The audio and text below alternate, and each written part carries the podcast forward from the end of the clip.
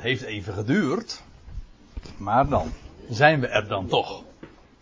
Nou, dat weet ik niet. Dat, dat is nog maar afwachten. Een hele goede avond ook van mijn kant. En excuses voor het, uh, het technisch ongemak. Ik kan er niks aan doen. Maar het gaat natuurlijk wel van mijn tijd af. Dat uh, realiseer ik me ook wel. En wij gaan vanavond dus verder met onze bestudering, met ons onderzoek van, zo hebben we het als titel meegegeven, deze hele serie van deze avonden, de tweede bergreden. De reden die we vinden in Matthäus 24 en 25, die Jezus niet aan publiek heeft uitgesproken, maar alleen in het bijzijn van zijn discipelen. We hebben dat de vorige keer ook uh, gezien. En voordat we weer aanhaken bij de versen waar we, waar we nu weer uh, aan toe zijn, wil ik nog eventjes terugblikken om het geheugen op te frissen waar we het ook alweer over hadden. Wat we zagen, want de vorige keer toen ben ik niet begonnen bij hoofdstuk 24, maar bij het slot van hoofdstuk 23. Dat is namelijk heel belangrijk om het 24ste hoofdstuk en wat daarop volgt te begrijpen. In hoofdstuk 23, daar treffen we Jezus' laatste publieke optreden. En dan zegt hij aan het einde, het is een hele hartstochtelijke reden die hij heeft gehouden, het zevenvoudig wee, uitgesproken naar de, de leidslieden van die dagen, de geestelijke leidslieden.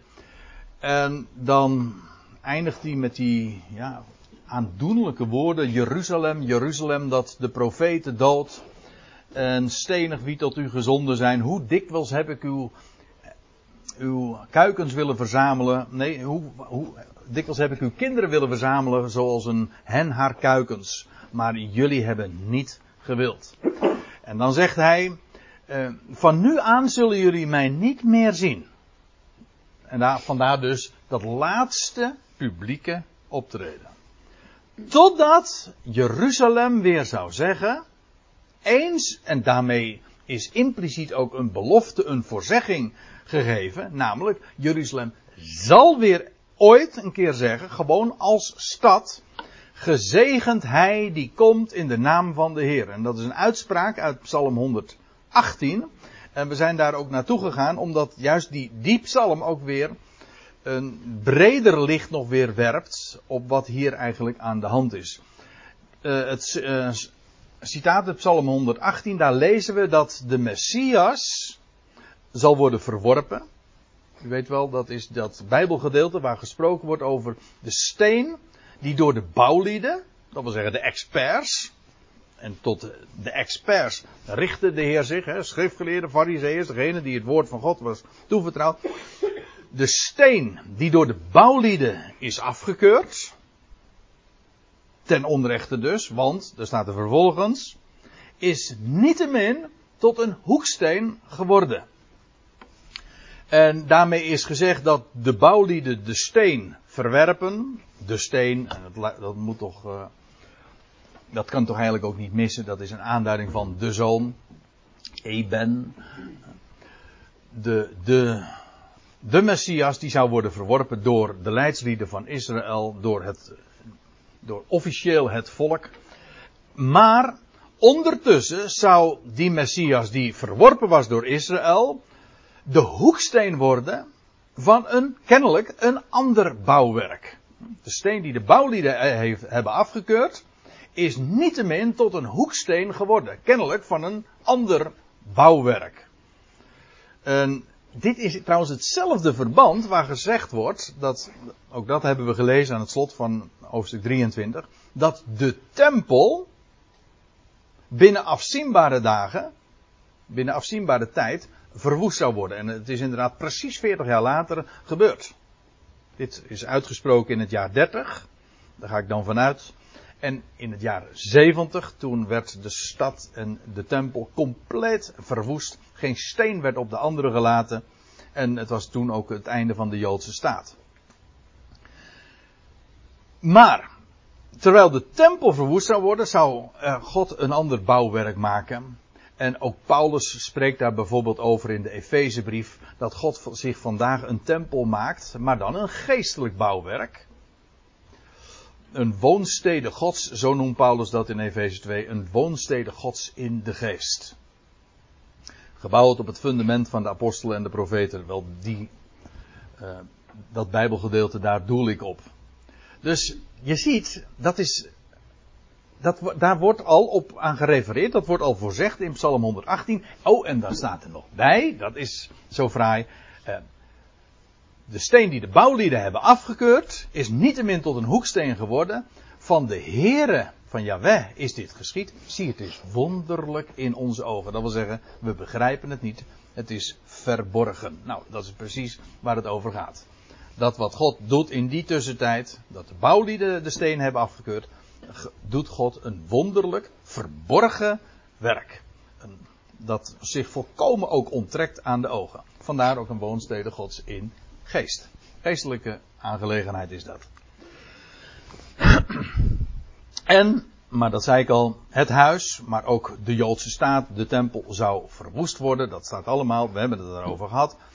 Vervolgens lees je dat Jezus de stad verlaat en zich op de olijfberg zet. En dan staat er, en dat is dan het begin van hoofdstuk 24, bij het aanblik van de tempel voorzegt Jezus, de discipelen die komen dan bij hem terwijl hij daar op de berg gezeten is. En vanaf de Olijfberg heb je een, een prachtig uh, uitzicht op de, ja tegenwoordig dan op dat islamitische heiligdom. Maar toen die dagen op, op een van de zeven wereldwonderen, vergis u niet. Het, de, dat geweldige, machtige tempelcomplex met al haar gebouwen. Uh, waar 46 jaar door uh, aan gewerkt is door koning Herodes, lees je ook in de Bijbel. En terwijl ze daar dus naar kijken, dan zegt Jezus van opnieuw, voor de tweede keer, en aan het slot van hoofdstuk 23 lees je het, maar hier zegt hij het weer, dat geen steen op de andere gelaten zou worden. En primair is dat vervuld in het jaar 70 dus. Maar ik moet erbij zeggen, prim, het is niet voor niks primair, want het gaat namelijk nog een keer vervuld worden. Oké, je kunt zeggen, daar ben ik helemaal niet blij mee, maar daar gaat het even niet om. Of het uh, fijn is, of, maar zo gaat het. Zo is het voorzegd. Nou, over die dingen hebben we ons bezig, uh, met die dingen hebben we ons bezig gehouden. En dat lijkt mij een goede aanleiding om nu de draad weer op te pakken bij vers 3. We hebben er al een paar dingetjes over gezegd, maar goed, ik lees het even voor. En toen hij gezeten was op de Olijfberg, nou, en dat moet toch ons niet ontgaan. Dat is een hele markante profetische locatie. Al was het maar vanwege die schriftverwijzing die ik er hier achter heb staan, Zacharia 14. Was, is dat niet de berg waar ooit de Heer zou verschijnen, Jaweh aan het volk zal verschijnen, hen zou uitredden, terwijl de volkerwereld zich tegen hen zou richten en, en dat er nieuwe aion zou aanbreken. Dat, het, eigenlijk het grote keerpunt is ook de olijfberg. Het feit dat Jezus deze reden hield op de olijfberg is op zich al een profetische verkondiging. Dus al, al had hij nog geen woord gezegd en, en alleen maar daar uh, heel demonstratief gezeten, dan gaat daar al een sprake van uit. Dat is veelzeggend, zelfs al zeg je niks. Dat geldt trouwens voor eh, heel wat meer bijbelse waarheden. Uh, dingen, uh, als alleen maar de locatie genoemd wordt, iemand is ergens, al zegt hij dan nog helemaal niks. Dat is, daar gaat een sprake van uit. Hij was gezeten op de Olijfberg. En dan laat ik nog maar helemaal buiten beschouwing. Ik weet niet eens of ik de vorige keer daarop gewezen heb. Dat deze berg ook de berg is geweest. Nou, één ding is zeker. Van waar hij ook ten hemel voer. Maar als u het mij vraagt, maar dat kan ik wat lastiger uh, aantonen. Het staat ook niet direct in de schrift. Je kunt het er indirect, mijn inziens, duidelijk uit opmaken. Maar dat dat ook de locatie is geweest waar hij stierf ooit. En dus ook opstond, want de plaats van zijn opstanding, de plaats waar, waar, hij neergelegd was in het graf, dat was op een steenworp afstand van waar hij stierf. Dus als hij, als hij daar stierf, dan was dat dus ook de locatie waar hij ooit opstond. Met andere woorden, als je er even zo bij bepaalt, en nu, ik geef toe, ik heb nu een paar veronderstellingen. Namelijk dat hij daar stierf en opstond. Als je er zo, zo ook bij bepaald wordt, dan betekent dat dus dat alle heils, grote heilsfeiten van de dood, de opstanding, zijn hemelvaart, maar ook zijn terugkeer in de nabije toekomst, allemaal op dezelfde berg gesitueerd zijn. Nou, dat is toch wel uh, een hele bijzondere zaak.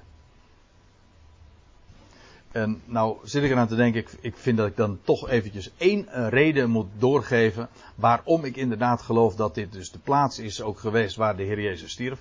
En uh, één reden wil ik er genoemd hebben, want anders vind ik dat het allemaal een beetje in, te, te veel in het luchtledig hangt. Maar laat ik u dit noemen. Ik heb, heb ik de vorige keer erover gesproken? Nee toch? Nee. Hè? Oké. Ja, precies. Ja, want daar wil ik, dat lijkt mij ook wel de voornaamste reden. Toen de Heer Jezus stierf, dan lees je dat die Romeinse hoofdman uh, dat zag gebeuren. Maar dan staat er ook, en zie, toen, toen de Heer Jezus stierf, en zie het voorhangsel van de tempel scheurde in tweeën, van boven naar beneden. Dat was dat enorme grote gordijn van wel 25 meter hoogte. Dat is gigantisch. Dat is gewoon uh, de, de, lengte, de hoogte van een, een torenflat. Dat gordijn dat scheurde van boven naar beneden. En die Romeinse hoofdman ziet dat gebeuren en tegelijkertijd ziet hij Jezus sterven. En dan zegt hij, waarlijk, deze man was Gods zoon. Dat kan je maar van één af, één, vanaf één locatie zien. Namelijk vanaf de Olijfberg. Alleen dan heb je zicht op de, op de, op de tempel. En bovendien heb je zicht ook op het gordijn van de, van de, van de tempel het eerste voorhangsel van de, van de tempel. Dat immers gericht was naar het oosten en dus richting de Olijfberg. Nou ja, uh, dat is uh, één zo'n uh, reden, de, wel de belangrijkste denk ik ook, om te denken aan de Olijfberg als de plaats waar hij inderdaad stierf. En u zegt misschien van ja, maar dat was toch de Golgotha. Jawel, maar Golgotha was niet een berg. Ik weet wel, in liederen zingen wij dan over de heuvel Golgotha. Maar kijk het maar eens na in uw Bijbeltje. Daar staat nergens in de Bijbel over de heuvel Golgotha. Het was op, ze kwamen op een plaats. De locatie, die plek, daar op de Olijfberg dus. Die plek heette Hoofdschedelplaats. Waarom? Dat is nog weer een verhaal apart, maar daar gaan we het nu niet over hebben. Maar in ieder geval, het was geen heuvel Golgotha. Dat, dat lees je nergens. Die plek heette Golgotha. Hm? Ja, zeg het maar hoor. Uh, nou ja, dat uh, even terzijde, maar goed. Dat wat betreft dus die olijfberg waar hij op gezeten was. Dat zou nog maar een paar dagen later zijn dat hij daadwerkelijk ook dus zijn leven gaf. Een paar dagen, diezelfde week nog.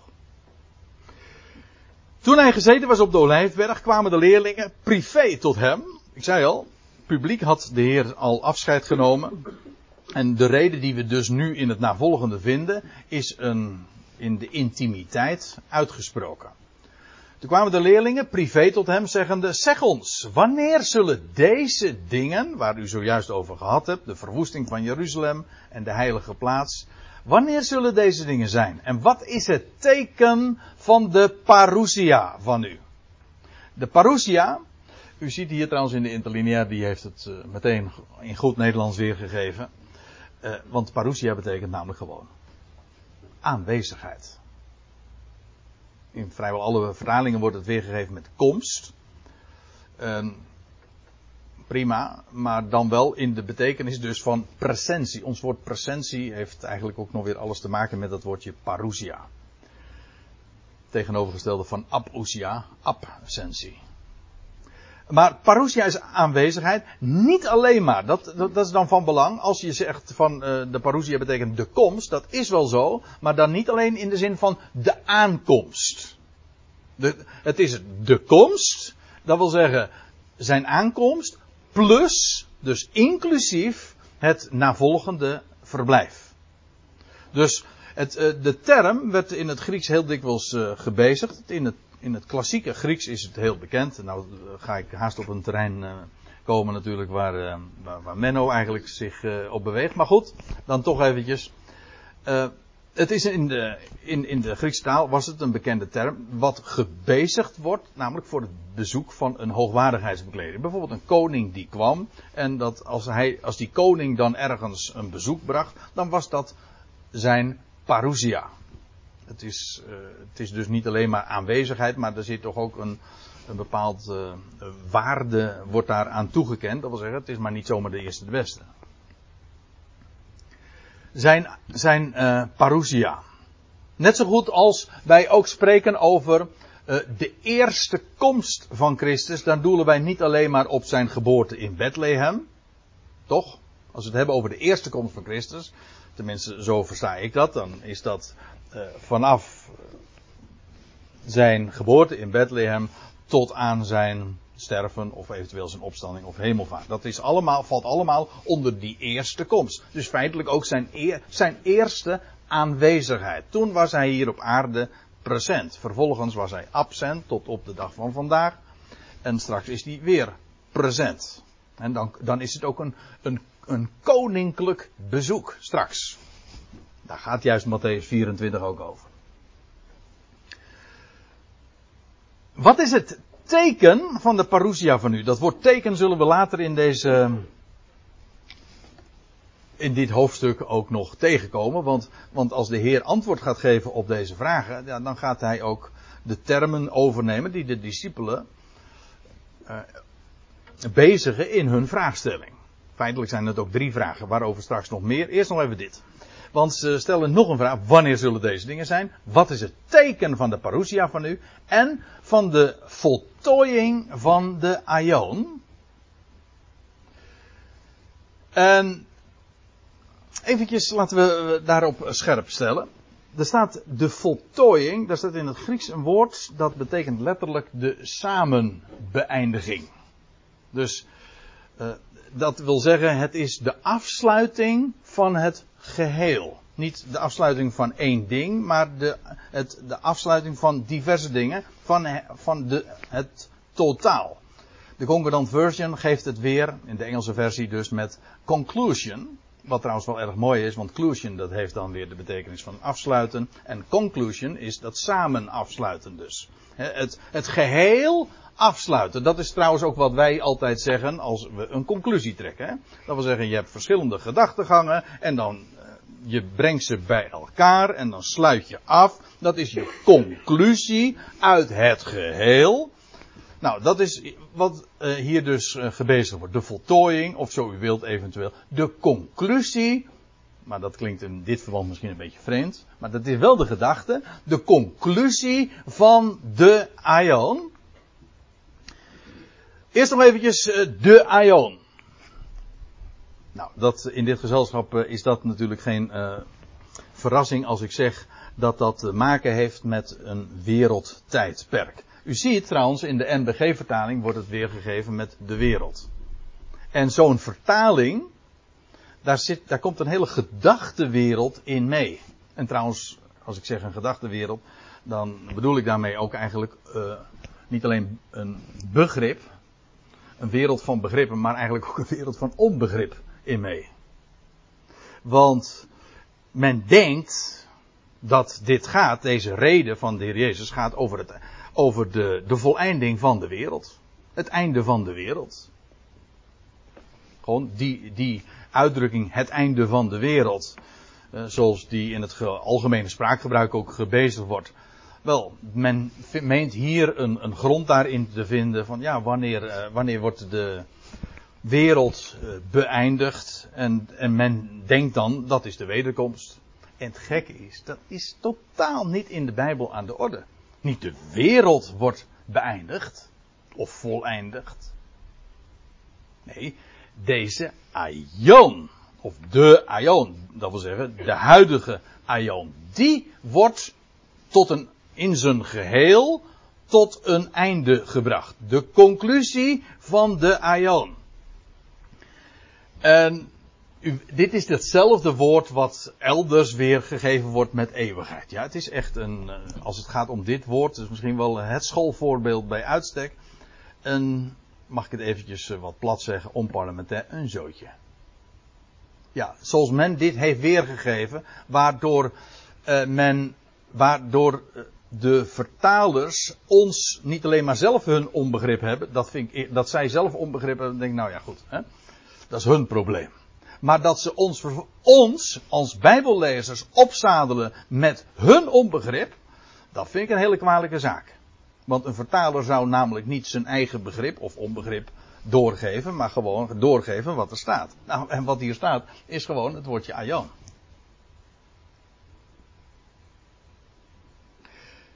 En een aion wordt afgesloten. Die wordt voltooid of voleindigd. En ja, het is inderdaad deze aion. Ik zal, uh, ik zal twee voorbeelden geven. Hm, waar gesproken wordt over deze aion. En waarom het trouwens ook vooral belangrijk is dat deze aion beëindigd wordt. En dat gaat niet zonder slag of stoot. Integendeel, dat is een buitengewoon pijnlijk proces. Dat in dit hoofdstuk ook genoemd wordt dat valt allemaal onder de, de term geboorteweeën. Dat is een pijnlijke zaak, maar altijd met uitzicht op. Alleen, uh, nou ja, goed, ik ben geen vrouw, maar dat is de enige manier om het uh, ook uh, met fatsoen, zeg maar, zoiets te, te volbrengen. Als je weet van, daar, daar doe ik het voor.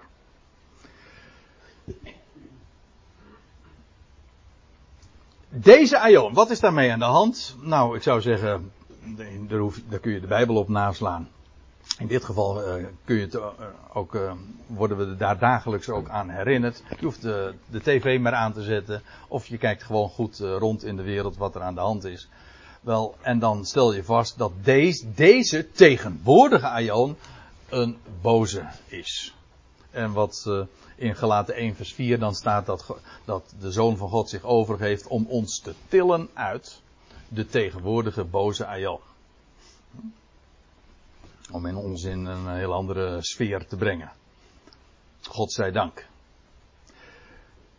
Deze Aion is boos. In de Efezebrief wordt ook over deze Aion gesproken. En daar wordt dan gezegd, en ik lees hem voor uit een letterlijke weergave. In, eh, in welke, en dan gaat het over alle, over kromme gedachtegangen en daden. In welke jullie eens wandelden naar de Aion van deze wereld. Waar trouwens, hier zie je trouwens hoe uh, krom de weergave wereld is. Uh, als je het als, als, het als vertaling van Aion moet dienen. Want stel je voor dat ze dat hier ook hadden gedaan. Dan had er dus gestaan de wereld van deze wereld. Slaat natuurlijk nergens op. Nee, iemand, ja, u zit nou een beetje uh, schaapachtig soms te kijken. Ja, ze nemen niet kwalijk hoor. Nou zit ik mijn publiek aan te vallen, maar uh, dat, dat, is, uh, dat is een aanmerking op mijzelf hoor. Maar u begrijpt misschien, uh, of begrijpt me misschien niet wat ik hiermee bedoel. Maar er staat hier dus de voltooiing van de Aion. Maar de vertalers hebben hier weergegeven de voltooiing of de voleinding van de wereld. Dus hebben ze het woordje Aion, het wereld weergegeven. Nou zijn we hier in Efeze 2. En daar wordt gesproken over de Aion van deze wereld. En hier kon men domweg niet Aion weer op dezelfde wijze weergeven. In plaats van dat het een op een andere gedachte had gebracht van eh, jongens, deze hele vertaalkeuze deugt niet. Helaas, daar zijn ze niet op gekomen. In welke jullie eens wandelden naar de aion van deze wereld. Van de wereld is dan de aanduiding van de kosmos. De aion van deze wereld. naar de overste van de autoriteit van de lucht moet zich realiseren dat er in de lucht, in de. Hoe zeggen ze dat? In de. Uh, ja, in, nou, laat ik het nog eens anders zeggen. In de ether. Dat, vind ik, uh, dat klinkt ook nog eens een keer heel uh, modern. In de ether, dat wat zich onttrekt aan, de, aan, aan onze waarneming, maar dat wel een directe invloed uitoefent op onze gedachten.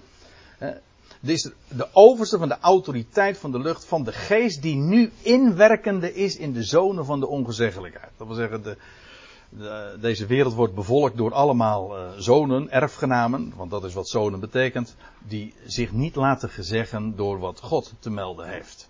Wel, en in hen werkt een, een, een geest die, die om ons heen hangt, in de lucht hangt om zo te zeggen, en die werkt in. En die geest, die, die, die overste, die heet ook wel, een van zijn namen is de Diabolos. Hij gooit de dingen door elkaar, hij verwart de boel, maar ook hij is de vader der leugen. Wat hij doet, daar heeft hij een dagtaak aan, is niks anders doen dan de waarheid verdraaien.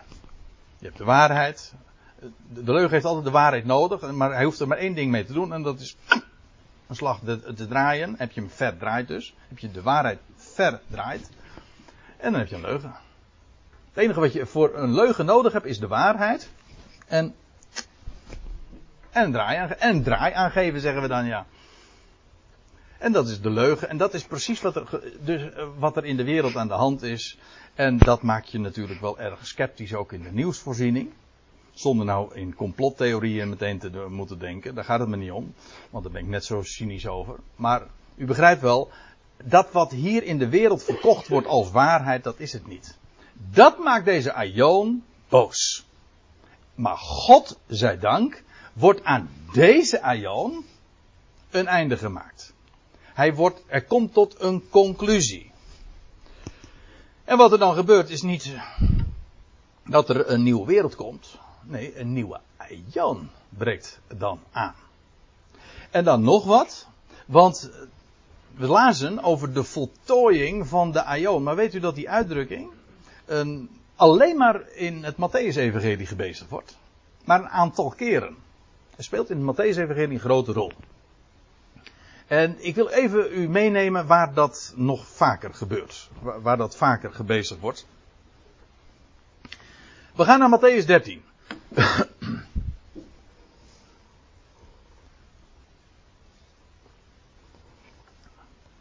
Waar de Heer ook over het koninkrijk spreekt, maar dan doet hij het op een hele verborgen manier. Hij spreekt namelijk in gelijkenissen.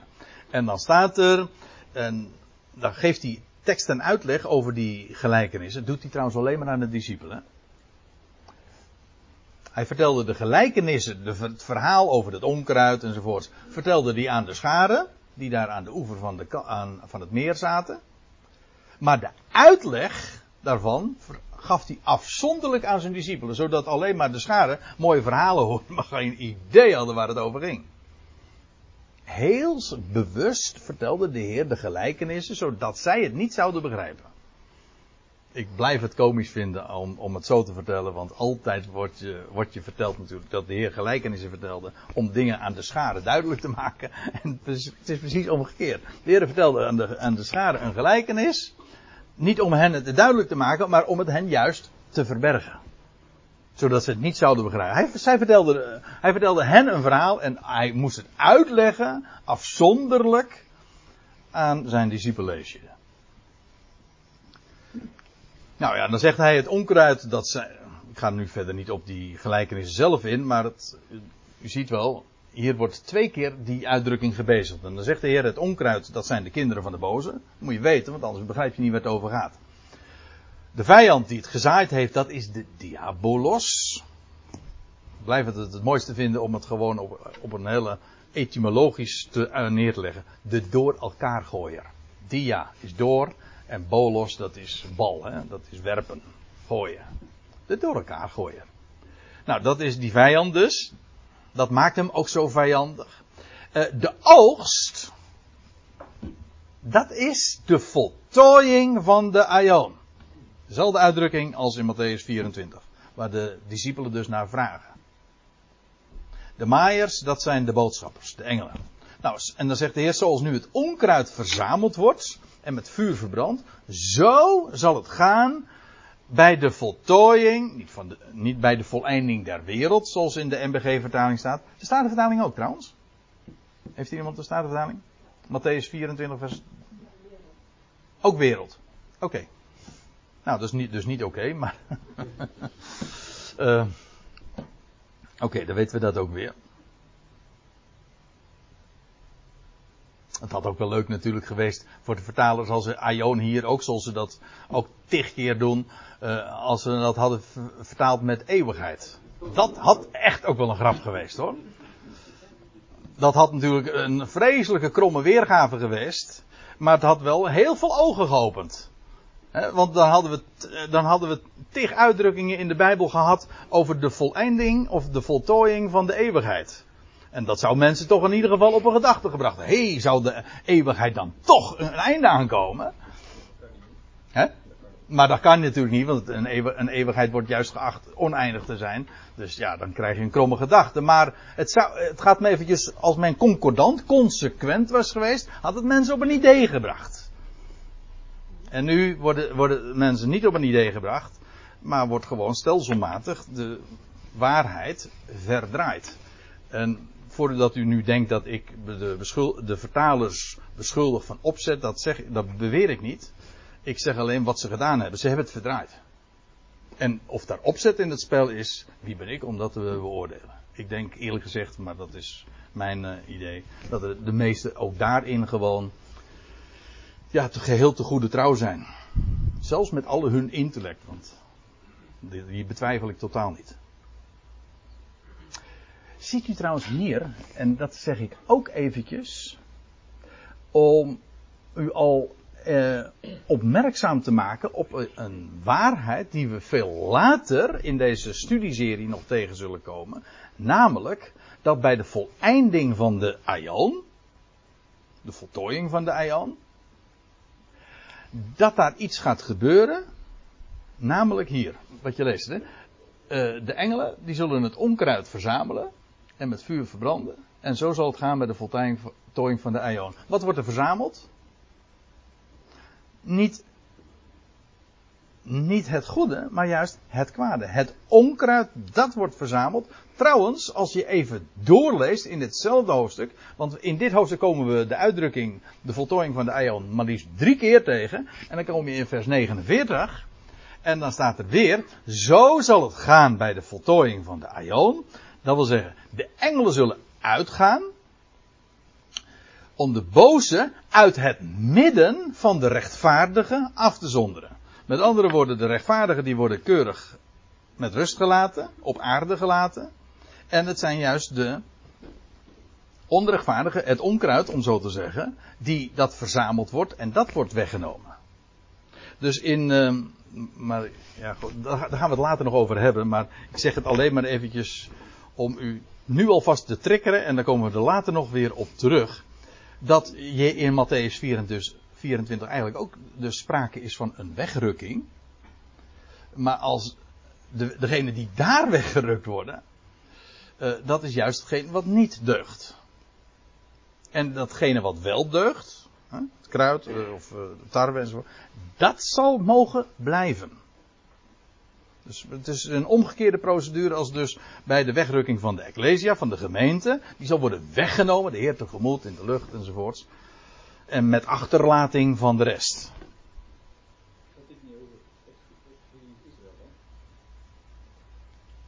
Nee. Nee, want oh, daar gaan we het uh, ook nog later over hebben. Want die voltooiing van de Aion is niet alleen maar, dat, dat gaat verder dan alleen, uh, dat is maar niet het einde van die, van die 3,5 jaar, van die 42 maanden. Het is een tijdstip dat de hele wereld ook onder het beslag van het koninkrijk, uh, of laat ik het anders zeggen, dat in de hele wereld het koninkrijk is gevestigd. Dan zal deze aion beëindigd zijn en de toekomende aion, oftewel de duizend jaren, waarin de volkeren niet meer zullen verleid worden. De volkeren niet meer zullen verleid worden. Het koninkrijk zal dan aanbreken, wereldwijd. Ik geef toe, wat ik nu zeg, uh, moet, moet ik, daar moet ik de bonnetjes bij leggen. Maar goed, we zijn in de, in de loop van de avonden komt dit vanzelf allemaal aan de orde. De voltooiing van de Aion is dus als deze, dit wereldtijdperk wordt afgesloten en een nieuw wereldtijdperk aanbreekt. Aan het einde van die grote verdrukking voor Israël, dan is alleen Israël nog maar uh, is tot oog, tot erkenning van hem gekomen. Maar dan breekt er nog een hele, een hele fase aan, alvorens dat ook de volkerenwereld in de volkerenwereld het koninkrijk gevestigd gaat worden. Op die periode gaan we nog uitgebreid in. Komt vanavond al, nou ja, nu dus ook, al uh, ter sprake. Maar dan zal ik later uh, er ook nog, uh, nou ook wat in, wat schematischer, zal ik het u echt ook laten zien. Dat is een, een belangrijke zaak. Dat het niet alleen over Israël gaat, maar over de vestiging van het koninkrijk over alle volkeren. Nou, moet ik het nu even bij laten. Dus we, komen daar dus nog wel op terug. En dan trouwens wil ik er nog één noemen. Dat is misschien de allerbekendste wel. Matthäus 28. We hebben het, dat is de laatste keer dat die uitdrukking gebezigd wordt, de voltooiing van de Aion. En dan vinden we die woorden. Heengaande dan, discipelt al de natieën. En dopende. En mensen denken dan meteen bij dopen altijd aan water, maar dat is nog maar zeer de vraag. Ze worden gedoopt in, in de naam. Ook in het onderwijs, daar gaat het over. Discipelen. Of als, onder, als werkwoord dus. Ze worden gediscipeld. Worden tot discipel gemaakt, onderwezen. In de naam van de Vader, van de Zoon, van de Heilige Geest. En nou komt het. Dat is het laatste, het laatste vers van het Matthäus-evangelie. En zie, ik ben met jullie. Al de dagen tot de voltooiing van de Aion. Trouwens, uh, nou kom ik toch nog eventjes op de vraag van uh, jou, Fred. Die voltooiing van de Aion, dat is die, en dat wat daaraan vooraf gaat, gewoon als je dit leest, dat is dus één ding. Dat is dat een volk, lees Israël, erop uitgaat, zal heen gaan en al de natieën zal onderwijzen aangaande de Vader en de Zoon en de Heilige Geest. En ze zullen zo heel de wereld maken tot discipelen. Maakt al de volkeren tot mijn discipelen.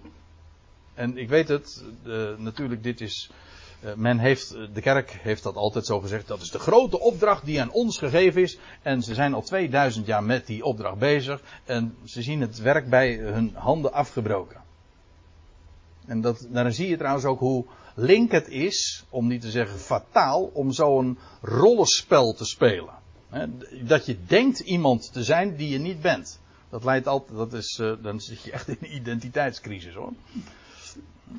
Als je denkt iemand te zijn en je bent het niet. Dat kan even, dan, dan ga je toneel spelen. Dan kun je het ook heel veel mee schoppen, dat weet ik. Maar uh, op een gegeven ogenblik dan, dan, dan spoort het niet meer. Ja, dan spoor je ook niet meer, maar uh, dan, dan, dat, dat werkt niet. Dan moet je iemand zijn die je niet bent.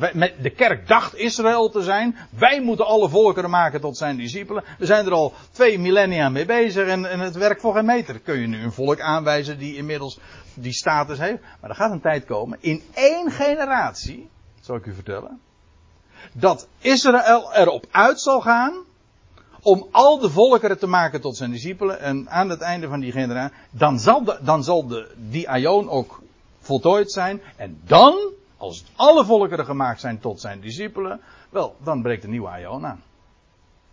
Dus eigenlijk heb ik daarmee, toch, had ik niet uh, direct verwacht, heb ik al een eerste antwoord in ieder geval gegeven op die voltooiing van de Aion. Wanneer is dat? Nou, wanneer alle volkeren gemaakt zijn tot zijn discipelen. Maar er volgen nog meer redenen, want in Matthäus 24 gaat de Heer juist uitgebreid in op het wanneer en het hoe. Dus ja, dat. Uh, wat die uitdrukking, de voltooiing van, deze, van, van de Aion. De Heer die garandeert ook dan zijn, zijn, aan, uh, zijn nabijheid. Ik ben met jullie al de dagen tot de, tot de voltooiing van de Aion. Dat wil zeggen, hij zal ook. Hij zal trouwens daar ook bij zijn. Dat is, die is ook nog interessant.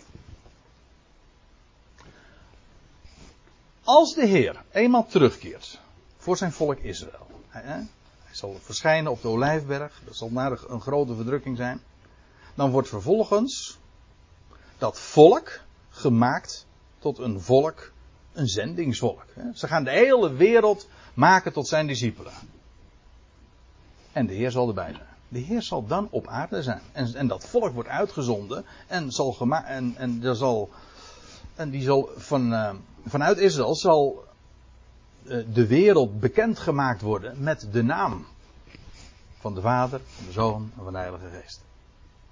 Hij is dan met hen, inderdaad, letterlijk ook. Dan is hij niet absent, dan is hij present. Zie, ik ben met jullie. Ik neem dat heel letterlijk. Dat is nogal mooi. Dat is de beste manier om uh, de schrift uh, gewoon te lezen. Gewoon lees, dat zei ooit Johannes de Heer al. Lees wat er staat. Neem wat er staat. Dan heb je wat er staat. Zo simpel kan het wezen. Ja. Uh, laat, laat ik dat nog eventjes. Uh, laten we daar nog eventjes. De, als conclusie. Hè, nog op, even op wijzen. Er worden hier dus in vers 3 drie vragen gesteld. In de eerste plaats, wanneer zullen deze dingen zijn? Dus dat is een vraag naar het tijdstip en de hele chronologische gang van zaken. Hoe en wanneer, nee, wanneer zal dat zijn? En vervolgens, wat, dat is vraag 2. Wat is het teken van de parousia van u? Dus hij zal komen, hij zal, hij zal acte de présence geven, maar dat zal ook voorafgegaan worden aan een teken. Daar komen we op terug. En staat er van de voltooiing van de Aion. Dus wat dat betekent dus, uh, wat is het teken van de voltooiing van de aion? Dat is niet allemaal hetzelfde hoor. Die drie vragen die, die liggen letterlijk en figuurlijk in elkaars verlengde. Het een volgt uit het ander. En als hij eenmaal present zal zijn, ja, dan zal ook de voltooiing van de aion niet lang meer duren. Nou, op al die dingen gaat de Heer vervolgens uh, in zijn antwoord in dit is de vraag, of beter, dit zijn de vragen. En het is nu de Heer die vervolgens het woord neemt en antwoord gaat geven ja, op, uh, op, deze, op deze vragen. Nou, dat lees je dan vervolgens in vers 4. En Jezus antwoordde en zei tot hen: Kijk uit dat niemand jullie zou doen verdwalen. Maar ik stel voor dat we eerst eventjes pauze gaan houden. En dan pakken we hier straks bij vers 4 de draad op.